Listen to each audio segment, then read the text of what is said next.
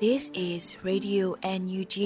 the voice of National Unity Government of Myanmar, broadcasting for Myanmar Spring Revolution. Radio NUG is transmitting from shortwave 16 meter 17.79 megahertz at 8:30 a.m. and 25 meter 11.94 megahertz at 8:30 p.m. Myanmar Standard Time. မင်္ဂလာပါရှင်။အမျိုးသားညီညွတ်ရေးအစိုးရရဲ့အတန်လွတ်ဌာန Radio NUG ကိုမန္တပိုင်း၈နိုင်ခွဲမှာလိုင်းတူ6မီတာ19.3ခွန်ကုန်းမဂါဟတ်စ်နဲ့ညပိုင်း၈နိုင်ခွဲမှာလိုင်းတူ25မီတာ17.3ကိုလီမဂါဟတ်စ်တို့မှာဓာတ်ရိုက်ဖမ်းယူနားဆင်နိုင်ပါပြီရှင်။မင်္ဂလာအပေါင်းနဲ့ပြည့်စုံကြပါစေ။အခုချိန်ကစပြီး Radio NUG စီစဉ်လေးကိုဓာတ်ရိုက်အတန်လွှင့်ပေးနေပါပြီ မင်္ဂလာနံနက်ခင်းပါရှင်ရေဒီယို NUG ဝနာဆင်နေကြတဲ့မိဘပြည်သူများနဲ့မြန်မာနိုင်ငံသူနိုင်ငံသားအပေါင်းတဘာဝပေးဆရာနာရှင်ဘေးတို့ကနေကင်းဝေးပြီးကိုစိတ်နှပါဘေးကင်းလုံခြုံကြပါစေလို့ရေဒီယို NUG အဖွဲ့သားများကဆုတောင်းမေတ္တာပို့သလိုက်ပါတယ်ဒီကနေ့ဇန်နဝါရီလ25ရက်နေ့ရေဒီယို NUG ရဲ့မနက်ခင်းအစီအစဉ်လေးကိုစတင်ထုတ်လွှင့်ပေးတော့မှာဖြစ်ပါတယ်ဓမ္မအောင်ဆုံးအနေနဲ့ ရေဒီယို NUG ရဲ့စီးရေးသတင်းကောင်းတို့ချက်ကိုစောတဲလူနေကဖတ်ကြားတင်ပြပေးတော့မှာဖြစ်ပါတယ်ရှင်။မင်္ဂလာပါခင်ဗျာခုချိန်ရစပြီး2024ခုနှစ်ဇန်နဝါရီလ25ရက်နေ့မနက်ခင်းမှာတင်ပြပေးမယ်ရေဒီယို NUG စီးရေးသတင်းများကိုဖတ်ကြားတင်ပြပေးသွားမှာဖြစ်ပါတယ်ပထမအဆုံးအနေနဲ့နမ်ဖတ်ကအခြေဆိုင်စစ်ကောင်စီချင်းမြန်တက်ရင်ခမာယာ113ကို KIA သိမ်းပိုက်လိုက်တဲ့သတင်းကိုစတင်တင်ပြပေးသွားပါမယ်။ ရှမ်းပြည်နယ်မြောက်ပိုင်းကွက်ခိုင်မြို့နယ်နန်းဖက်ကာရှိစစ်ကောင်စီချင်းမြန်တပ်ရင်ခမာရ113တပ်ရင်စခန်းကိုကချင်လွတ်လပ်ရေးတပ်မတော် KIA ကသိမ်းပိုက်နိုင်ခဲ့ပြီဖြစ်တယ်လို့ KNY သတင်းပြန်ကြားရေးတာဝန်ခံဗိုလ်မှူးကြီးနော်ဘူးကပြောကြားခဲ့ပါတယ်။ဇန်နဝါရီလ24ရက်နေ့ညနေ4နာရီဝန်းကျင်ခန့်မှာအပိသက်သိမ်းပိုက်နိုင်ခဲ့တာဖြစ်တယ်လို့ကနအူးသတင်းရရှိထားပြီးမြေပြင်သတင်းပြည့်ပြည့်စုံစုံကိုတော့မသိရသေးဘူးလို့ဗိုလ်မှူးကြီးနော်ဘူးကဆိုထားပါတယ်။ နံပါတ်ကကြီးစစ်ကောင်စီရဲ့ခလာရ123တပ်ရင်းဌာနချုပ်စခန်းကိုသိမ်းပိုက်နိုင်ရေးအတွက် KIA က2023နှစ်ကုန်ပိုင်းကထိုးစစ်ဆင်တိုက်ခိုက်ခဲ့တာရက်ရှည်တိုက်ခိုက်ခဲ့ရပြီးဇန်နဝါရီ24ရက်နေ့ညနေပိုင်းမှာအပိသက်သိမ်းပိုက်နိုင်ခဲ့တာဖြစ်ပါတယ်။စခန်းသိမ်းပြီးနောက်စစ်ကောင်စီတပ်ကလေကြောင်းကနေဇက်တိုက်လာရောက်ပစ်ခတ်နေကြောင်းဒေသခံတို့ကပြောကြားခဲ့ပါတယ်။ ဇန်နဝါရီလ24ရက်နေ့ညနေပိုင်းမှာပြင်းဦးလွင်နဲ့နတ်ဆန်လေးတပ်စခန်းမှာတက်လာတဲ့ Jet Fighter နှစ်စင်းကနတ်ဘက်ကားကိုလေကြောင်းတိုက်ခိုက်မှုပြုလုပ်ခဲ့တာဖြစ်တယ်လို့သိရှိရပါတယ်။စစ်ကောင်စီအနေနဲ့နတ်ဘက်ကခမာယာတင်းတင်းတပ်စခန်းမကြဆုံးစီရေးအတွက်လေကြောင်းပစ်ကူအကြိမ်ကြိမ်အသုံးပြုတိုက်ခိုက်ခဲ့ရပြီးဇန်နဝါရီ16ရက်နေ့တိုက်ပွဲအတွင်းတရုတ်ထုတ် FTC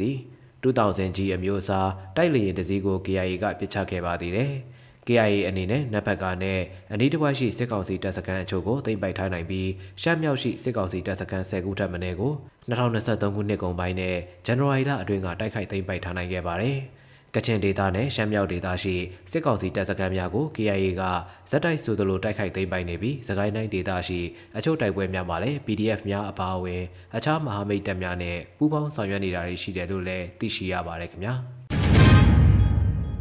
ဆက်လက်တင်ပြပေးမှာကတော့အင်းလေးဒေတာမှာပြည်သူ့ကာကွယ်ရေးတပ်ဖွဲ့အခြေချနေပြီလို့အင်းလေးလူထုလှုပ်ရှားမှုအဖွဲ့ထုတ်ပြန်လိုက်တဲ့သတင်းပဲဖြစ်ပါတယ်။ရှမ်းပြည်နယ်ညောင်ရွှေမြို့နယ်မှာရှိတဲ့အင်းလေးဒေတာမှာပြည်သူ့ကာကွယ်ရေးတပ်ဖွဲ့ IPDF အခြေချနေပြီလို့အင်းလေးလူထုလှုပ်ရှားမှုအဖွဲ့ကဇန်နဝါရီလ23ရက်နေ့မှာထုတ်ပြန်ထားပါတယ်။ရှမ်းကရင်နီကရားနယ်စပ်ကဖေကုံမြို့မှာရှိတဲ့အင်းအရှိဘက်ချမ်းကဆောင်းနှံခဲစခန်းကိုဒေါ်လာရေးတပ်များက2023ခုနှစ်ဒီဇင်ဘာလ17ရက်နေ့မှာသိမ်းယူလိုက်ပြီးဖြစ်တယ်လို့ညောင်ရွှေမြို့နယ်ကကြေးရွာတွေကိုလည်း ပင်လောင်းမြို့နယ်တွေကကြေးရွာတွေမှာလည်း IPDF တပ်ဖွဲ့တွေအခြေချနေပြီလို့ဖော်ပြထားပါတယ်။ဒါအပြင်အင်းလေးဒေသအတွင်းကဆရာနာရှင်စက်ကြီးအရာစုများကိုစူးစီးပြီးအနာဂတ်အင်းလေးဒေသအရေးနဲ့ပြည်ထောင်စုရေးရာကိစ္စများကိုဥဆောင်ဥရွက်ပြုနိုင်မယ်အင်းလေးတိုင်ပင်ခံကောင်စီပေါ်ပေါက်လာရေးဆက်လက်ကြိုးပမ်းဆောင်ရွက်သွားမယ်လို့အင်းလေးလူထုလှုပ်ရှားမှုအဖွဲ့ကကြေညာထားပါတယ်။အင်းလေးဒေတာမှာအင်းလေးပြည်သူ့ကာကွယ်ရေးတပ် IPDF အင်းလေး Federal Democracy လှုပ်ရှားမှု IFDM အင်းလေးအမျိုးသမီးသမဂ္ဂ IWU တို့ဟာ အင်းလေးဒေသမှာမရှိခဲ့ဘူးတဲ့တော်လှန်ရေးအဖွဲ့အစည်းတွေဖြစ်စစ်အာဏာသိမ်းပြီးနောက်ပိုင်းပေါ်ပေါက်လာခဲ့တာဖြစ်တယ်လို့သိရှိရပါတယ်ခင်ဗျာလုံခြုံမှုအားနည်းနေသည့်ပအိုးဒေတာ၌လူစိုးတဖိုးဓမြရန်ကာကွယ်နိုင်ရေးလုံခြုံရေးလှုပ်ရှားမှုလှုံ့ဆော်နေခြင်းသာဖြစ်တယ်လို့ PNL ဆိုလိုက်တဲ့သတင်းကိုဆက်လက်တင်ပြပေးသွားပါမယ်။ ပပအိုဒေတာဟာလက်ရှိကာလမှာလုံခြုံမှုအားနည်းနေတဲ့အတွက်လူဆိုးတကိုးဓမြရန်ကနေကာကွယ်ဖို့လုံခြုံရေးလှုပ်ရှားမှုတွေလှုပ်ဆောင်နေတာဖြစ်တယ်လို့ပအိုမျိုးသားလွတ်မြောက်ရေးတပ်မတော် PNL ကဇန်နဝါရီလ24ရက်နေ့မှာထုတ်ပြန်လိုက်ပါတယ်။ရှမ်းပြည်နယ်တောင်ပိုင်းမှာရှိတဲ့ပအိုကိုပိုင်အုပ်ချုပ်ခွင့်ရဒေသကဒေသအချို့မှာစစ်တပ်၎င်းတို့လက်အောက်ခံ PNO အဖွဲ့နဲ့ PNLO PNL တို့အကြားဇန်နဝါရီလ20ရက်နေ့ကစပြီးစစ်ရေးတင်းမာမှုတွေဖြစ်လာတာကြောင့် PNL ကအခုလိုထုတ်ပြန်လိုက်တာဖြစ်ပါတယ်။ ပို့မျိုးသားလွတ်မြောက်ရေးအဖွဲ့ချုပ်ပို့မျိုးသားလွတ်မြောက်ရေးတပ်မတော် PNL PNL တို့ဟာပို့ဒေသတွင်းမှာရှိတဲ့ပို့လူမျိုးတွေနဲ့အခြားညီနောင်တိုင်းရင်းသားပြည်သူများအားလုံးလွတ်လပ်လုံခြုံစွာတွာလာနေထိုင်နိုင်ဖို့ကာကွယ်ပေးရမယ်တပ်မတော်ဖြစ်တယ်လို့လည်းအသိပေးထားပါတယ်။ဒါကြောင့်ပုတ်အုပ်မျိုးသားလွတ်မြောက်ရေးတပ်မတော် PLL နေတဲ့ဒေသတွင်းမှာရှိတဲ့ပြည်သူလူထုအားလုံးအေးချမ်းတရားစွာတော်လှန်နေထိုင်နေရေးအတွက်လုံခြုံရေးယူလှုပ်ရှားမှုသာဖြစ်တဲ့အတွက်မိဘပြည်သူများကိုအသိပေးအပ်ပါတယ်လို့ထုတ်ပြန်ထားပါတယ်ခင်ဗျာ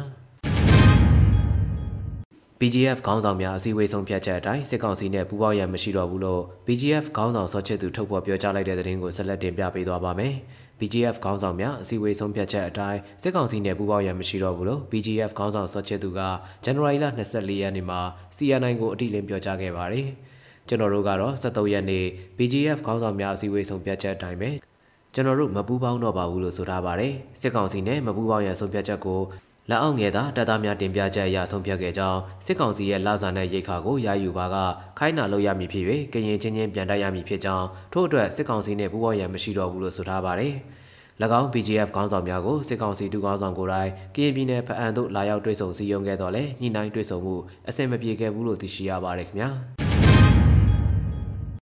ဘူးတလင်တွင်စစ်ကောင်စီတပ်စစ်ကြောင်းအား PDF ကတိုက်ခိုက်လိုက်တဲ့တဲ့ရင်ကိုတင်ပြပေးသွားပါမယ်။ဇန်နဝါရီလ24ရက်နေ့မနက်9:00နာရီကျော်ခန့်ကစကိုင်းတိုင်းဘူးတလင်မြို့နယ်ကုတ်ကိုစုကျေးရွာအားစစ်ကြောင်းထိုးပြီးပြန်ထွက်လာတဲ့စစ်ကောင်စီအင်အား90ခန့်ပါသည့်စစ်ကောင်စီတပ်ကို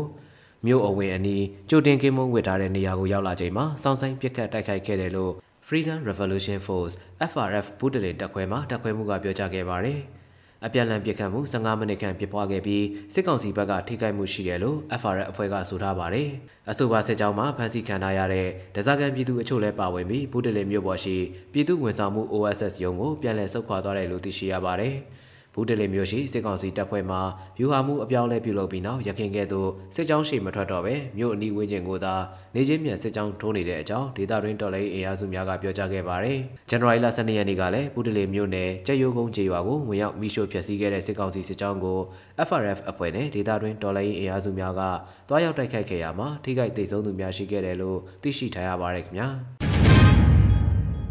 ဆက်လက်တင်ပြပေးမှာကတော့အရာတော်နယ်စက်မှုလေယာဂိမ်းမှာအမြောက်တပ်သူအဖြစ်ရန်လာတဲ့စစ်ကောင်စီတပ်ဖွဲ့ကိုဒရုန်းဖြင့်ပုံကျဲတိုက်ခိုက်လိုက်တဲ့တဲ့တင်ပဲဖြစ်ပါတယ်။ဇန်နဝါရီလ23ရက်နေ့မိုးလဲတနာရီခန့်အချိန်မှာပြည်သူ့ကာကွယ်ရေးပူးပေါင်းအဖွဲ့တွေတိုက်ခိုက်ခဲ့တာလို့ဆိုထားပါတယ်။စကိုင်းတိုင်းအရာတော်မြို့နယ်အနောက်ဘက်စက်မှုလေယာဂိတ်စခန်းကနေအမတ369တပ်ကိုအင်အားဖြည့်တင်းဖို့လာတဲ့အကြမ်းဖက်စစ်ကောင်စီတပ်ဖွဲ့နဲ့ပြူစောတိတွေနားနေတဲ့အဆောင်ကို120မမဘုံသီးတစ်လုံးနဲ့ တပ်စခန်းအတွင်းကဗဟိုကင်းစခန်းပေါ်ကို120မမဘုံသီးတစ်လုံးကျဲချတိုက်ခိုက်ခဲ့တယ်လို့သိရှိရပါတယ်။တိုက်ခိုက်မှုအတွင်းစောက်အုံနှလုံးထိခိုက်ပျက်စီးခဲ့ပြီးအကြမ်းဖက်စစ်ကောင်စီတပ်ဖွဲ့ဝင်တွေရဲ့ထိခိုက်ဒေဆုံးမှုအခြေအနေကိုတော့အတိမပြုနိုင်သေးဘူးလို့အသိပေးထားပါတယ်။အခုလိုတိုက်ခိုက်ခံရတာကြောင့်အရာတော်မြို့ပေါ်မှာရှိတဲ့ကြမ်းဖက်စစ်ကောင်စီတပ်စခန်းနဲ့ကင်းစခန်းတွေကနေလက်နက်ကြီးလက်နက်ငယ်တွေနဲ့ပြန်လည်ပစ်ခတ်တာတွေရှိပေမဲ့တော်လှန်ရေးရဲဘော်တွေအထိခိုက်မရှိပြန်လည်ဆုတ်ခွာနိုင်ခဲ့တယ်လို့သိရှိရပါတယ်။အဆိုပါတိုက်ခိုက်မှုကို BGS အရာတော် drone force နဲ့ အရာတော် Rocket Force ကဦးဆောင်ပြီးအရာတော်မြို့နယ်တိုက်နယ်အမှတ်၄ကာကြီးရဲဘော်များ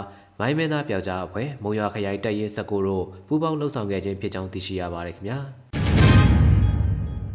အခုနောက်ဆုံးအနေနဲ့ဝက်လက်နယ်ရေလယ်မော်ကျေးရွာများကိုစစ်တပ်ကမီးရှို့ဖျက်ဆီးလိုက်တဲ့တဲ့ရင်ကိုတင်ပြပေးသွားပါမယ်။စကိုင်းတိုင်းနယ်ကရွှေဘိုခရိုင်ဝက်လက်နယ်ကရေလယ်မော်ကျေးရွာကိုကျန်းဖတ်စစ်ကောင်စီတပ်ကအကြောင်းမဲ့မီးရှို့ဖျက်ဆီးသွားတယ်လို့ဒေသတွင်းအရင်မြစ်တွေကစင်သိရှိရပါတယ်။ စင်ကူမျိုးနဲ့ရွာတရာပြည်ရွာမှာရှိတဲ့အကြံဖက်စစ်ကောင်စီတပ်ဖွဲ့ဟာဇန်နဝါရီလ24ရက်နေ့မနက်3နာရီခန့်ကဆက်လီနဲ့ထွက်လာပြီးဝက်လက်နယ်ကရေလယ်မော်ကြီးရွာကိုစစ်တပ်နက်အပါအဝင်လက်နက်ကြီးလက်နက်ငယ်တွေနဲ့ပစ်ခတ်ဝင်ရောက်ခါအိမ်စနှလုံးခန့်ကိုမီးရှို့ဖျက်ဆီးခဲ့တယ်လို့ဝက်လက် information network ကလည်းအသိပေးထားပါတယ်။အဆိုပါစစ်ကောင်စီတပ်ဖွဲ့ဟာပဲမော်စင်တလုံးဆိုင်ကယ်နှစ်စီးကိုလည်းမီးရှို့ဖျက်ဆီးခဲ့ပြီးရွာသားရရွာကိုပြန်သွားတယ်လို့ပြောကြားခဲ့ပါတယ်။ ဒါအပြင်ရွာသားရကြီးရွာမှာရှိတဲ့စစ်ကောင်စီတပ်နဲ့ပြူစောတီတွေဟာအေယာရီမြစ်နောက်ဘက်ချမ်းမှာရှိတဲ့ဝက်လက်နယ်အတွင်းကကြေးရွာတွေကိုလက်နက်ကြီးတွေနဲ့အကြောင်းမဲ့တိုက်ခိုက်လေ့ရှိတယ်လို့ဒေတာတွင်းသတင်းအရင်းမြစ်တွေကပြောကြားခဲ့ပါတယ်ခင်ဗျာအခုတင်ပြခဲ့တဲ့စီရေးသတင်းတွေကိုတော့ Radio NUG သတင်းတော့မင်းဒီရန်ကိုခန့်နဲ့မင်းဆွေသူတို့မှပေးပို့ထားတာပဲဖြစ်ပါတယ်ကျွန်တော်စောတဲလူနေပါ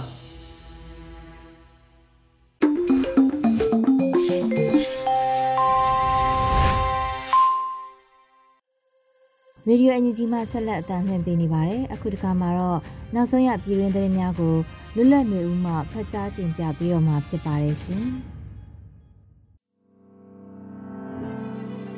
မင်္ဂလာမနက်ခင်ပါခင်ဗျာအခုချိန်ကစပြီးဇန်နဝါရီလ25ရက်နေ့ရေဒီယိုအန်ယူဂျီရဲ့မနက်ပိုင်းပြည်တွင်းသတင်းများကိုစတင်ကြီးညာပေးပါတော့မယ်ကျွန်တော်ကလွတ်လပ်နေဦးပါခင်ဗျာ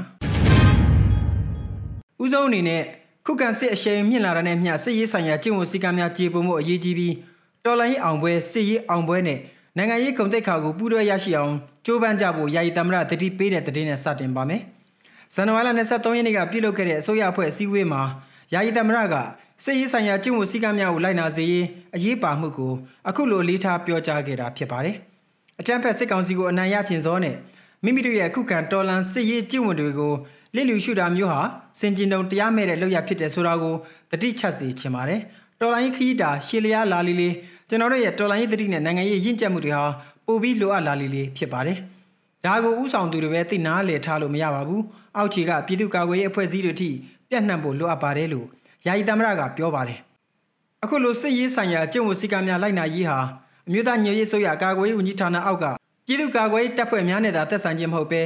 LDF, LPDF စတဲ့ဒေသအခြေပြုပြည်သူ့ကာကွယ်ရေးအဖွဲ့အစည်းများနဲ့လည်း သက်ဆိုင်တယ်လို့ယာယီသမ္မတကဆက်ပြောပါတယ်။တော်လန်အောင်ပွဲစစ်ရေးအောင်ပွဲနဲ့နိုင်ငံရေးကုန်သိက္ခာကိုပူးတွဲရရှိအောင်စ조사နေရတဲ့အခြေအနေမှာရှိနေတယ်လို့လည်း၎င်းကအသိပေးပါတယ်။စစ်ရေးရအောင်နိုင်ပေမဲ့နိုင်ငံရေးရရှုံးတဲ့ဖြစ်စဉ်တာရကတွေဟာအတိတ်ကနိုင်ငံတကာနိုင်ငံတွေရဲ့တော်လှန်ရေးတာရကတွေမှာတွေ့မြင်ခဲ့ရတာရှိပါတယ်။ကျွန်တော်တို့ဟာခုခံတော်လှန်စစ်ကိုမလွဲတာမရှောင်သာဆင်နွှဲနေရသည့်တိုင်အောင်နိုင်ငံရေးရဲ့အခမ်းကဏ္ဍကိုပြစ်ပယ်လို့မရပါဘူး။ဒါ့အပြင်နိုင်ငံရေးရဲ့အခမ်းကဏ္ဍနဲ့တော်လှန်ရေးလှုပ်ရှားမှုဟာ ဟန်ချက်ညီညီအပြန်အလှန်ကျေးဇူးပြုမှာဖြစ်တယ်ဆိုတာတတိချရမှာဖြစ်ပါတယ်လို့ယာယီသမ္မတကဆိုပါတယ်။ဒါ့အပြင်စစ်ပွဲမှာစစ်ရေးပြပြပြပြပြုမှုတုံ့ပြန်ရတာကိုလက်ခံနိုင်ပေမဲ့စစ်ရေးကျင့်ဝတ်နဲ့မလျော်ညီတာများကိုခွင့်ပြုလို့မရနိုင်ကြောင်းအလေးနက်ထားပြောကြားခဲ့ပြီးစစ်ရေးစည်းကမ်းချိုးဖောက်မှုတွေရှိခဲ့ရင်လည်းဥပဒေနဲ့ညီထိုက်တန်တဲ့ပြည်တံတွေကိုပေးဖို့နဲ့စီမင်းတိုင်းလိုက်နာနိုင်ရေးအထူးကြပ်မှဆောင်ရွက်ကြဖို့ကိုလည်းတိုက်တွန်းပြောကြားခဲ့ပါတယ်ခင်ဗျာ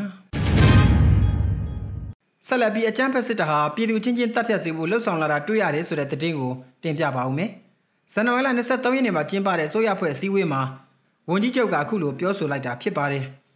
အခုဆိုရင်အကြမ်းဖက်စစ်တပ်ဟာပြုံးတီးလာတဲ့သူတို့ရဲ့အင်အားတွေအတွက်ပြည်သူလူထုကိုအတင်းအဓမ္မနီလန်းတွေနဲ့အကြမ်းဖက်စစ်တပ်တဲ့တွသွင်းပြီးပြည်သူချင်းချင်းတပ်ဖြတ်စေဖို့လှုံ့ဆော်လာတာတွေ့ရပါတယ်။ဒါဟာအင်မတန်နှိမ့်ကြပြီးစစ်ကြုံပြုတဲ့လုပ်ရဖြစ်ပါတယ်။ ဒါကြောင့်မိမိတို့နေထိုင်ရာဒေသအသီးသီးမှာစစ်ကောင်စီထိန်းချုပ်ပြီးစစ်ကြုံပြုခြင်းမခံရလေအောင်တော်လန်ကြီးကိုအလျင်မြန်အောင်နိုင်စေဖို့ကျွန်တော်တို့အားစိုက်လှုံ့ဆော်ကြမှာဖြစ်ပါတယ်လို့ဝန်ကြီးချုပ်ကဆိုပါတယ်။အကြမ်းဖက်စစ်တပ်ဟာလက်ရှိမှာပြည်သူစစ်များဖွဲ့စည်းရန်နေမြို့များမှာရတသားများကိုတိမ်သွင်းစည်းရုံးလျက်ရှိပါတယ်ခင်ဗျာ။ဆက်လက်ပြီးပြည်ထောင်စုဝန်ကြီးဒေါက်တာဝင်းမြတ်အေးက Professor Masa Imamura နဲ့ Professor Michael Ichihara တို့အားတွေ့ဆုံခဲ့တဲ့သတင်းကိုတင်ပြပါဦးမယ်။ ပြည်ထောင်စုဝန်ကြီးဒေါက်တာဝင်းမြတ်အေးဟာဇန်နဝါရီလ23ရက်နေ့နနက်10:00နာရီချိန်တွင်ဂျပန်နိုင်ငံ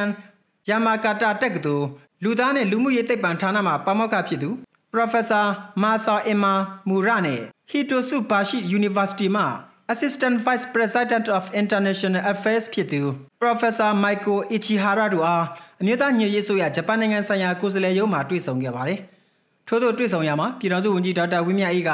လက်ရှိမြန်မာနိုင်ငံရေးအခြေအနေများ မြန်မာနိုင်ငံတွင်စစ်အာဏာသိမ်းမှု၏နောက်ဆက်တွဲဆိုးကျိုးများစစ်အာဏာရှင်များ၏နိုင်ငံရေးအတ္တနှင့်ကိုကျိုးရှာဆောင်ရွက်မှုများကြောင့်မြန်မာနိုင်ငံသားများဒုက္ခရောက်ကြရသည့်အခြေအနေများအပြစ်မဲ့ပြည်သူများလက်နက်အားကိုးနဲ့နိုင်ကျင်ခြင်းလေကြောင်းမှတိုက်ခိုက်ခြင်းပြည်သူများရဲ့နေအိမ်များအမိရှို့ဖျက်ဆီးခြင်းအဆရှိသည်တို့ကြောင့်တိုးပွားလာနေတဲ့စစ်ပေးဆောင်ပြည်သူများနဲ့ဒုက္ခသည်များရဲ့အခြေအနေများအဆိုပါစစ်ပေးဆောင်ပြည်သူများအတွက်အမျိုးသားညွှန်ရေးဆိုရလူသားချင်းစာနာထောက်ထားရေးနဲ့ BNR ဆိုင်ရာစီမံခန့်ခွဲရေးဝန်ကြီးဌာနမှကယ်ဆယ်ရေးလုပ်ငန်းများ လူသားချင်းစာနာထောက်ထားမှုဆိုင်ရာအကူအညီများဆောင်ရွက်နေမှုအခြေအနေများကိုရှင်းလင်းပြောကြားခဲ့ပါတယ်။ထို့နောက်မြန်မာနိုင်ငံရှိစစ်ပေးဆောင်ပြည်သူများနေဆက်တွင်ရောက်ရှိနေသည့်ဒုက္ခသည်များအားထိရောက်စွာကူညီထောက်ပံ့ပေးနိုင်မယ့်နည်းလမ်းများကိုအပြန်အလှန်ရင်းနှီးပွင့်လင်းစွာဆွေးနွေးခဲ့ကြတယ်လို့အမျိုးသားညွှန်ရေးဆိုရဂျပန်နိုင်ငံဆိုင်ရာကိုယ်စားလှယ်ရုံးကသတင်းထုတ်ပြန်ခဲ့ပါတယ်ခင်ဗျာ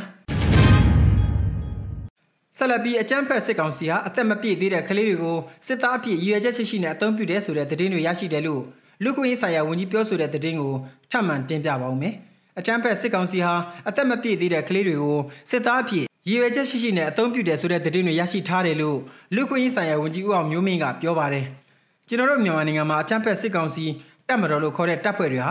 ကလေးစစ်သားကိုဟိုးရှေးစင်ဆက်ကလေးကခေါ်ယူအသုံးပြုတာရှိပါတယ်။ကလေးတွေဟာစာတင်ကြောင်းနဲ့ရောက်ရမယ်စားစစ်မြေပြင်မှာတနက်ကံပြီးတိုက်ပွဲဝင်နေရတာတော်တော်များပါတယ်။ အခုလက်ဒီကာလအတွင်းမှာအသက်မပြည့်သေးတဲ့ကလေးတွေကိုစစ်သားပြည်ရွေချက်ရှိရှိနဲ့အသုံးပြုတယ်ဆိုတဲ့သတင်းတွေရထားပါတယ်လို့ဝန်ကြီးကဆိုပါတယ်။ကလေးစစ်သားအသုံးပြုခြင်းဟာကလေးငယ်အခွင့်အရေးကိုဆိုးရွားစွာချိုးဖောက်မှုဖြစ်ပြီးဒီမိုကရေစီစနစ်ကိုကျင့်သုံးလက်ခံတဲ့ပြည်သူ့ကာကွယ်ရေးတပ်ဖွဲ့တွေအနေနဲ့လည်းကလေးစစ်သားအသုံးပြုခြင်းကိုတတိပြုရှောင်ရှားဖို့ဝန်ကြီးကပြောဆိုထားပါတယ်ခင်ဗျာ။ဆက်လက်ပြီးဂျာကာလာဒေသန္တရပြည်သူ့အုပ်ချုပ်ရေးဖော်ဆောင်မှုဗဟိုကော်မတီနဲ့မန္တလေးတိုင်းမကွေးတိုင်းမြို့နယ်ပြည်သူ့အုပ်ချုပ်ရေးဖွဲ့များတွေ့ဆုံဆွေးနွေးပွဲကို ပြည်တော်စုဝန်ကြီးနိုင်သူဝနတက်ရောက်ခဲ့တဲ့တဲ့တင်ကိုတင်ပြပါဦးမယ်။မြို့သားညရေးဆိုရဂျာကာလာဒေသန္တရပြည်သူ့အုပ်ချုပ်ရေးဖော်ဆောင်မှုဗဟိုကော်မတီနဲ့မန္တလေးတိုင်းမကွေးတိုင်းမှာမြို့နယ်ပြည်သူ့အုပ်ချုပ်ရေးဖွဲ့များတွေ့ဆုံဆွေးနွေးပွဲစည်းဝေးအမှတ်စဉ်၄မြင်းဆောင်2024ကိုဇန်နဝါရီလ24ရက်နေ့ကကျင်းပခဲ့ကြပါတယ်။အစည်းအဝေး၌ဂျာကာလာဒေသန္တရပြည်သူ့အုပ်ချုပ်ရေးဖော်ဆောင်မှုဘိုးကော်မတီအဖွဲ့ဝင်အလုံသမားဝန်ကြီးဌာနပြည်ထောင်စုဝန်ကြီးနိုင်သူဝနမှာတက်ရောက်အဖွဲ့မှစကားပြောကြားခဲ့ပါတယ်။ထို့နောက်တက်ရောက်လာသောမြို့နယ်ပြည်သူ့အုပ်ချုပ်ရေးအဖွဲ့ဝင်များမှ မူဝါဒလမ်းညွှန်ချက်များလုပ်ငန်းဆောင်ရွက်ချက်များမြေပြင်ခက်ခဲများနဲ့ပတ်သက်လို့သိရှိလိုတာများကိုမေးမြန်းခဲ့ကာဝန်ကြီးဌာနမှတာဝန်ရှိသူများကပြန်လည်ဖြေကြားခဲ့ပါတယ်။တွေ့ဆုံပွဲကိုပြည်တော်စုဝန်ကြီးနိုင်သူဝနကဦးဆောင်ကအမြဲတမ်းတွင်ဝင်များတွဲဘက်တွင်ဝင်များဌာနဆိုင်ရာများမှတာဝန်ရှိသူများနဲ့မန္တလေးတိုင်းမကွေးတိုင်းမှမြို့နယ်ပြည်သူ့အုပ်ချုပ်ရေးဖွဲ့ဝင်များတက်ရောက်ခဲ့ကြတယ်လို့သိရှိရပါတယ်ခင်ဗျာတက်ရင်လိုက်ဗတ်ပြမှုများ တရင်ဒီပြေမြို့နယ်အချို့မှာအကောင့်ထဲဖော်မဲဆိုတဲ့သတင်းကိုလည်းတင်ပြဖို့ရှိပါသေးတယ်။တက်ရင်လိုက်ဗတ်ပြမှုများတရင်ဒီပြေမြို့နယ်အချို့မှာမကြမီအကောင့်ထဲပေါ်သွားမှာဖြစ်တယ်လို့ကီနီမြို့သားကာကွယ်ရေးတပ် KNDF ဗဟိုသတင်းနဲ့ပြန်ကြားရေးဌာနကဇန်နဝါရီ24ရက်နေ့မှာသတင်းထုတ်ပြန်လိုက်ပါတယ်။ကရင်ပြည်နယ်ရှိစစ်ကောင်စီတပ်ရင်းများပြည်သူ့ဘက်သို့ဗတ်ပြောင်းရေးတိုက်တွန်းချက်တစ်စောင်းထုတ်ပြန်ရမှာအခုလိုထည့်သွင်းဖော်ပြလိုက်တာဖြစ်ပါတယ်။ကရင်ပြည်နယ်အတွင်းမှာတပြိုင်တည်းစုပေါင်းဗတ်ပြောင်းမှုအစီအစဉ်တရအကောင့်ထဲဖော်ဆောင်နေရကရင်ပြည်နယ်အတွင်းရှိစစ်ကောင်စီတပ်ရင်းချုပ်က တာဝန်ရှိသူတွေနဲ့ကနဦးညှိနှိုင်းသဘောတူမှုများရရှိထားပြီးဖြစ်တယ်လို့ဆိုပါတယ်။ကရင်ပြည်အတွင်းမှာရှိတဲ့ခြေမြန်ခြေလျင်နဲ့အမြောက်တပ်တွေဟာနယ်မြေကန်တပ်ရင်းများဖြစ်ပြီးနှစ်ရှည်လာများမိသားစုတွေနဲ့တူအခြေချနေထိုင်သူတွေဖြစ်တဲ့အတွက်ကရင်ပြည်သူများနဲ့တူရပ်တည်ပြီးအာဏာရှင်ကိုဆန့်ကျင်ဖို့တိုက်ရင်လိုက်မိသားစုများလိုက်ကရင်ပြည်သူဘက်သို့ပက်ပြောင်းကြဖို့လဲ KNDF ကတိုက်တွန်းထားပါတယ်မိသားစုများလိုက်ဖြစ်စေတိုက်ရင်လိုက်ဘက်ပြောင်းလာသူတွေကိုတော်လိုင်းတပ်ဖွဲ့များနဲ့အုပ်ချုပ်ရေးဖွဲ့များကလှိုက်လဲစွာကြိုးဆိုပြီး ဗတ်ပြောင်းရေးစီမံတိုင်းအထူးအကျိုးခံစား권များလဲစီမံဆောင်ရွက်ပေးမှာဖြစ်တယ်လို့အသိပေးပြောဆိုထားပါတယ်ခင်ဗျာ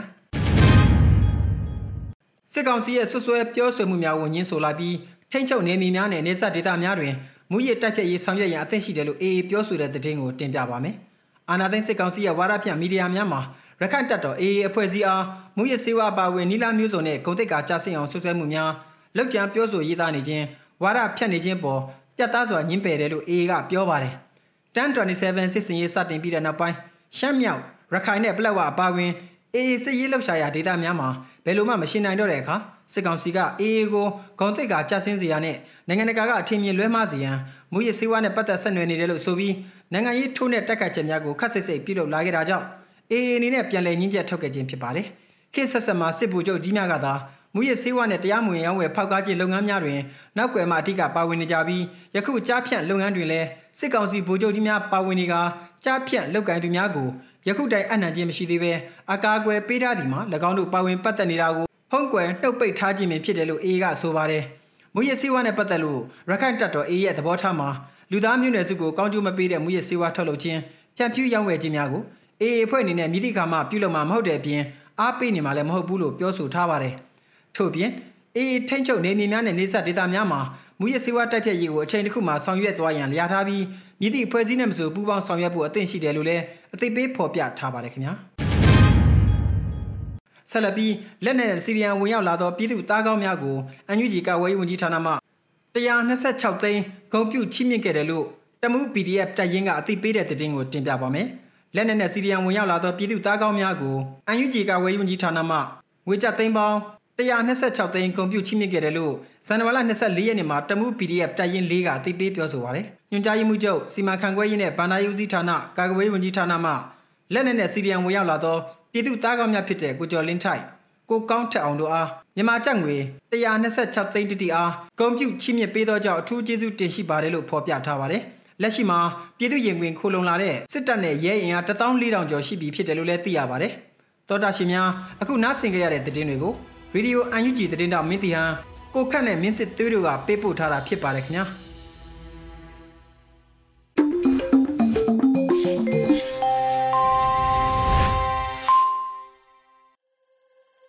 ရေဒီယိုအန်ယူဂျီရဲ့မနက်ခင်းအစီအစဉ်လေးကိုဆက်လက်အသံလွှင့်ပေးနေပါတယ်။ဒီကနေ့ရဲ့တော်လန်ရေးတေဂီတာအစီအစဉ်မှာတော့ KD Fan ရေးသားပြီးတူတူတီဆိုထားတဲ့အတွင်းဘက်မှာလို့အမည်ရတဲ့တော်လန်ရေးတေဂီတာကိုနားဆင်ရမှာဖြစ်ပါတယ်ရှင်။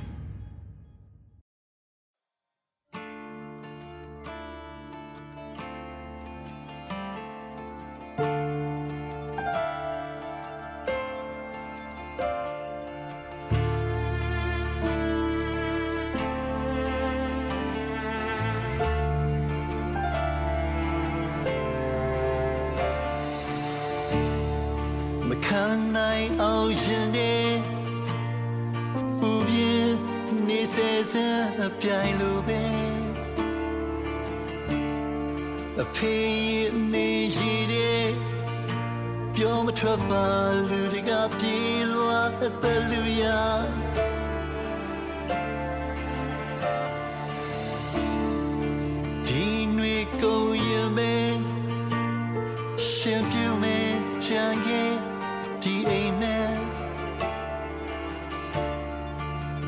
ရာရာကုန်ချန်ရဲ့မိသားစုတွေတောင်မဆုံးတော့ရဖြစ်ပါ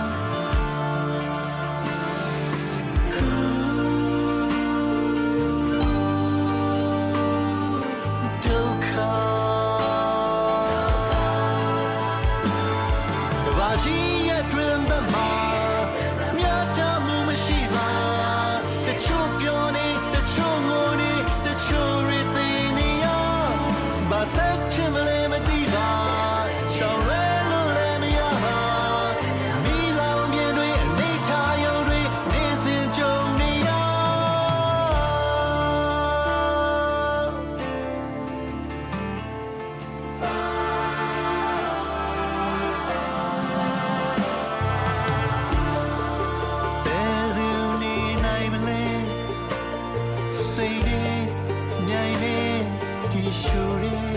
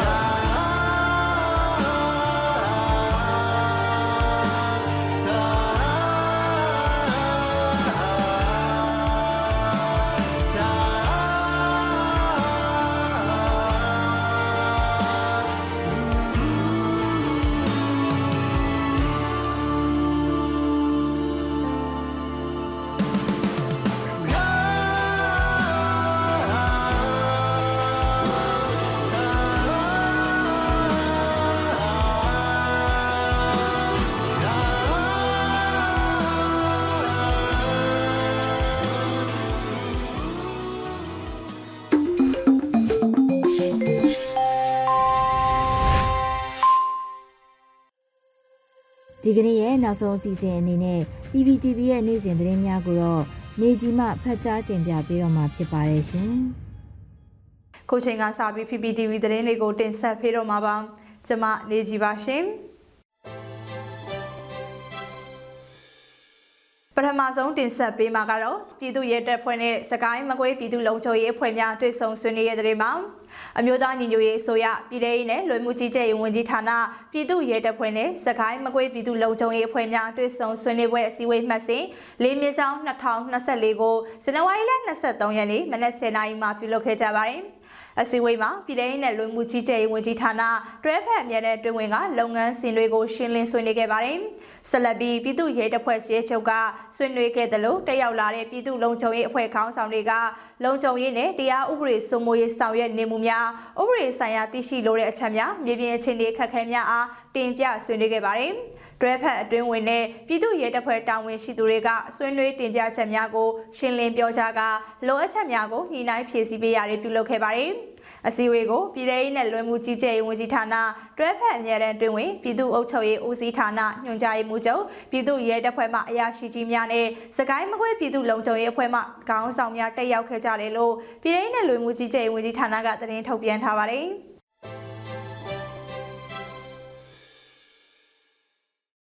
ထပ်မံတင်ဆက်ပေးမှာကတော့ KNU ဒုတပ်ထုခရိုင်ကိုအကြမ်းဖက်စစ်သား3ဦးလက်နက်နဲ့တကွအလင်းဝင်လာတဲ့တဲ့မှာအကြမ်းဖက်စစ်ကောင်စီရဲ့စစ်စီရေးကိုကဲမှုစစ်ဌာနချုပ်အမှတ်၈လက်အောက်ခံအမှတ်413ညခြေမြန်လင်းတရင်မှစစ်သား3ဦးကရင်မျိုးသားစီယုံထံကိုလက်နက်နဲ့တကွအနံကအလင်းဝင်ရောက်ခဲ့တယ်လို့ KNU ဒုတပ်ထုခရိုင်ကမနေ့ကအတိပေးထုတ်ပြန်ထားပါတယ်။ဘီလင်းမြို့နယ်ခြေဆိုင်အကြမ်းဖက်စစ်ကောင်စီရဲ့ဝင်းတာဘန်စခန်းမှာအသက်35နှစ်ရွယ်တပ်သားကဇန်နဝါရီလ10ရက်နေ့မှာလက်နက်နဲ့တကွအလင်းဝင်ရောက်လာခဲ့ပြီးတော့ဝင်းတာဘန်စခန်းမှာအသက်33နှစ်အရွယ်တပ်သားတအုပ်ကဒီဇင်ဘာလ9ရက်2023ခုနှစ်မှာအလင်းဝင်ရောက်လာခဲ့တယ်လို့ဆိုပါတယ်။ KNU ဒုတထုခရိုင်အတွင်းက KNNA KNDO တော်လိုင်းပူပေါင်းတပ်တွေထံကို2023ခုနှစ်အောက်တိုဘာလ10ရက်နေ့မှာဘီလီမြို့နယ် 4K စကန်မှအသက်32နှစ်ရွယ်တပ်သားတအူးကချိတ်ဆက်ကလက်နက်နဲ့အလင်းဝင်ရောက်ခဲ့တယ်လို့ပြောပါတယ်။ KNU ဒုတထုခရိုင်မှတာဝန်ရှိသူများမှလက်နက်ခဲယမ်းများယူဆောင်လာပြီးအလင်းဝင်ရောက်လာခဲ့ခြင်းကြောင့်ထိုက်တဲ့နဲ့ဂုံပြူငွေများပေးရခါအကြမ်းဖက်စစ်ကောင်စီကိုတော်လန်လိုပါကခွင့်ပြုပေးမှဖြစ်ပြီးတော့မိသားစုအရေးအတွက်အလုတ်လုတ်ကင်လိုပါကအလုတ်အခွင့်လိုက်နဲ့လေစရာများကိုစီစဉ်ပေးခဲ့တယ်လို့အတည်ပြုပါတယ်။အကြမ်းဖက်စစ်ကောင်စီရဲ့စစ်စီရေးကိုကဲမှုစစ်ဌာနချုပ်အမှတ်၈လက်အောက်ခံခမာယ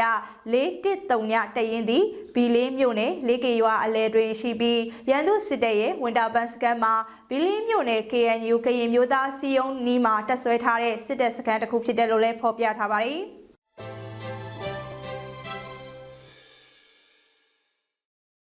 အခုနောက်ဆုံးအနေနဲ့မြန်မာနိုင်ငံတဝန်းကလူမျိုးပေါင်းစုံဘာသာပေါင်းစုံပါဝင်တဲ့ဆီယနာရှင်မြစ်ဖြတ်ချင်းမုံရေးလူလူဆန္ဒပြပွဲသတင်းတွေကိုစူးစီးတင်ဆက်ပေးမှာဖြစ်ပါတယ်။စာမလီသွေးတပိတ်စစ်ကြောင်းကအကြမ်းဖက်စစ်တပ်ကြာရှုံးရေးဆန္ဒပြတပိတ်ကိုဒီကနေ့မှညတပိတ်အဖြစ်ပြုလုပ်ခဲ့ကြပါတယ်။ဆန္ဒပြတော်လန်ပြည်သူတွေကစာမလီသွေးတော်လန်ရေးရွှေသန်းမြေတပိတ်စစ်ကြောင်းဆိုတဲ့စာသားကိုကန်ဆွဲပြီးတော့အကြမ်းဖက်စစ်တပ်ကြာရှုံးရေးဟစ်ကြွေးမှုတွေနဲ့ချီတက်ဆန္ဒပြခဲ့ကြတာပါ။ ရင်းမပင်မြို့နယ်ရွှေနယ်သေးတပိတ်စစ်ကြောင်းကရက်ပေါင်း915ရက်မြောက်အဖြစ်နဲ့အကြမ်းဖက်စစ်တပ်ကြာရှုံးရေးဆန္ဒပြတပိတ်ကိုပြုလုပ်ခဲ့ကြပါတယ်။ဆန္ဒပြတော်လှန်ပြည်သူတွေကရွှေနယ်သေးတပိတ်စစ်ကြောင်းဆိုတဲ့စာသားကိုကန်ဆောင်ကအကြမ်းဖက်ဆရာနာရှင်မြစ်ဖြတ်ချင်းမုံရေးချီတဲ့ဆန္ဒပြခဲ့ကြတာပါ။ ရင်းမပြေမြို့နယ်ရဲ့နောက်ပြန်ဖလှယ်ကြီးဒီဒေါ်လာရေးတပိတ်စစ်ကြောင်းကအကြမ်းဖက်စစ်တပ်ကြားရှုံရေးဆန္ဒပြတပိတ်ကိုပြုလုပ်ခဲ့ကြပါတယ်။ဒေါ်လန်ပြည်သူတွေကနောက်ပြန်ဖလှယ်ကြီးဒီဒေါ်လာရေးတပိတ်စစ်ကြောင်းနဲ့ဖက်စစ်တပ်ကစုံခွာကြပြည်သူရင်ခွင်ခုံလုံးကြဆိုတဲ့စာသားကိုကိုင်းဆွဲပြီးအကြမ်းဖက်စစ်တပ်ကြားရှုံရေးဟစ်ကြွေးမှုတွေနဲ့ပြုလုပ်ခဲ့ကြတာပါ။ဒေသခံဒေါ်လန်ပြည်သူတွေကနယ်မြေမငြိမ်သက်မှုတွေကြားတဲ့ကပြီးအကြက်ဖက်စစ်တပ်ချရှုံးရေးဆန္ဒပြတပိတ်ကိုနေ့စဉ်ပြုလုပ်နေကြပါတယ်။ ဒီကနေ့ကတော့ဒီညနေပဲ Radio NUG ရဲ့အစီအစဉ်လေးကိုခေတ္တရ延လိုက်ပါမယ်ရှင်မြန်မာစံတော်ချိန်မနေ့၈နိုင်ခွဲနဲ့ည၈နိုင်ခွဲအချိန်တွေမှာပြောင်းလဲဆိုပြကြပါလို့ရှင် Radio NUG ကိုမနေ့ပိုင်း၈နိုင်ခွဲမှာလိုင်းတူ16မီတာ19.7ခုခုမဂါဟတ်နဲ့ညပိုင်း၈နိုင်ခွဲမှာလိုင်းတူ25မီတာ17.6မဂါဟတ်တို့မှာ